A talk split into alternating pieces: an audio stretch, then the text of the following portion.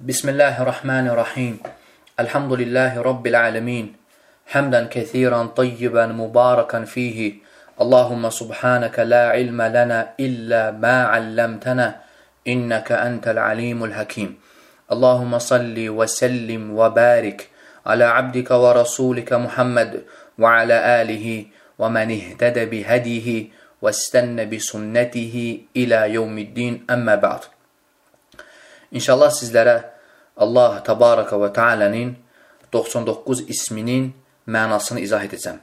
Allahın izni və müvəffəqiyyəti ilə qardaşlar bu dərsləri tamamladıq və buna görə Allah Tabaraka və Teala'ya həmd edirəm və etiqad edirəm ki, müvəffəqiyyət Allah Tabaraka və Teala tərəfindəndir.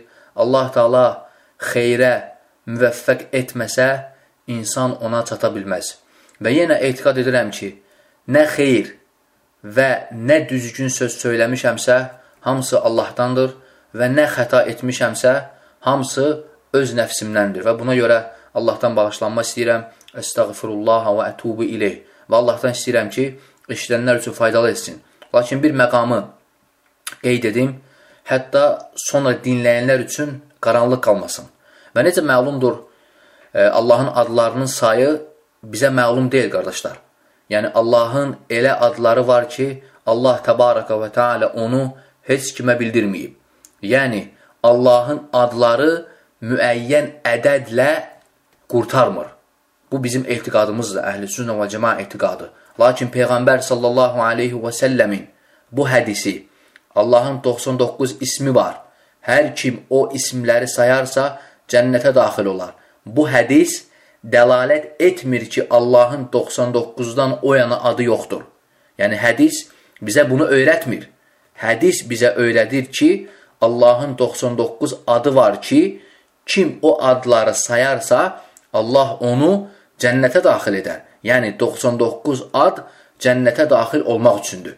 Sonra, sonuncu məqam budur ki, heç bir səhih hədisdə Allahın bu 99 adı zikr olunmayıb, qardaşlar. Yəni, səhih hədis yoxdur ki, Peyğəmbər sallallahu aleyhi və səlləm desin ki, Allahın 99 adı var və o adlar bunlardır və adları saysın. Xeyr, yəni belə hədis yoxdur. Məhz bu səbəbdən alimlər Allahın bu 99 adını çıxartmaqda ictihad ediblər. Alimlər Allahın bu 99 ismini çıxartmaqda iştihad ediblər. Yəni, Allahın 99 adını, yəni adın təri, təyini Peyğəmbər sallallahu aleyhi və səlləm tərəfindən yox, alimlərin ictihadı tərəfindən olub. Və biz də bilirik ki, ictihadi məsələlərdə eyb tutmaq olmaz. Alimlər hərəsi öz ictihadına görə Allahın 99 adını təyin ediblər. Bəzi alimlər elə ad, yəni elə isim zikr edib ki, digər alim onu Allahın isimlərindən görməyib. Məsələn, Şeyx Saadi rahimehullah Əl-Kafi ismini Allahın isimlərindən görüb. Amma İbn Useymin rahimehullah bu ismi isim kimi görməyib. Və ya məsələn, İbn Qeyyim, İbn Həcər, İbnül Arabi, İbn Məndah və s. alimlər Ən-Nur ismini Allahın isimlərindən sayıblar. Amma İbn Seymin Ən-Nur ismini Allahın isimlərindən saymayıb. Və ya məsələn, İbn Qeyyim rahimehullah Ər-Rəşid ismini Allahın isimlərindən görüb. Amma İbn Seymin, İbn Həcər, həmçinin İmam Qahtani rahimehullah və s. alimlər bunu isim kimi görməyiblər. Və ya başqa bir misal. Şeyxülislam İbn Teymiyyə rahimehullah Əl-Hədini Allahın isimlərindən görüb. Yəni Şeyxülislam İbn Teymiyyə rahimehullah buyurub ki, Əl-Hədi Allahın isimlərindəndir. Amma İbn Hüseymin və başqa alimlər bunu Allahın ismindən görməyiblər. Və belə. Yəni adların təyini qardaşlar alimlərin ictihadı ilə olub. Yəni alimlər ictihad ediblər. Alimlər Quran və sünnəyə baxıblar və hər alim öz ictihadı ilə Allahın adlarını çıxardıblar. Bu baxımdan da hər kim, yəni diqqətlə fikir verin buna, hər kim özü tərcih etdiyi adı, yəni üstün gördüyü adı bizim zikr etdiyimiz adların içərisində görməsə, təəccüblənməsin. Nəyə görə? Yəni çünki ola bilər hansısa qardaş hansısa alimin tərcihini üstün görüb və filan adı Allahın isimlərindən sayır. Bu normaldır.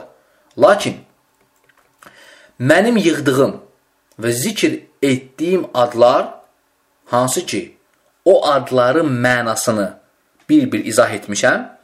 Bu adları bir çox alimlərin kitablarına baxıb və mənə gəlib çatana görə qardaşlar daha üstün gördüyüm adları qeyd etmişəm. Yəni o adları ki zikr etmişəm, yəni mənasını izah etmişəm. Yəni mən alimlərin qeyd etdiyi adlara baxıb bu zikr etdiyim adları deyən alimlərin tərcihlərini daha üstün görmüşəm. Aydın oldu? Yəni alimlərin qeyd etdiyi adlara baxıb bu zikr etdiyim adları hansı ki mənasını izah etmişəm, yəni bunu deyən yəni bu zikr etdiyim adları deyən alimlərin tərcihlərini daha üstün görmüşəm və məhz buna görə də Allahın bu 99 adının mənasını izah etmişəm. Yəni bunu ona görə qeyd etdim ki, hər kim hər hansı bir adı bu zikr etdiyim adların içərisində görməsə, artıq məsələnin nə yerdə olmasını bilsin. Yəni sonradan, yəni çaşbaş qalmasın. Yəni mən filan adı Allahın isimlərindən bilirdim, amma bu dərsdə Allahın bu adı zikr olunmur. Yəni belə olub çaşbaş qalmasın. Yəni bunu ona görə qeyd etdim ki, məsələ aydın olsun. Yəni Allahın isimlərinin təyini alimlərin ictihadı nə olub? Və mən də bu alimlərin ictihadını, yəni alimlərin yəni kitablarına, dərslərinə baxmışam və bu qeyd etdiyim adları ki, alimlər zikr edib daha üstün görmüşəm və bu adların mənasını izah etmişəm. Və Allah və sonda Allah təbaraka və təala istəyirəm ki, yəni bizə öz adlarını öyrətsin və həmçinin əzbərləməyə kömək olsun və həmçinin o adın, hər bir adın tələb etdiyi şeyləri əməl etməyə müvəffəq etsin.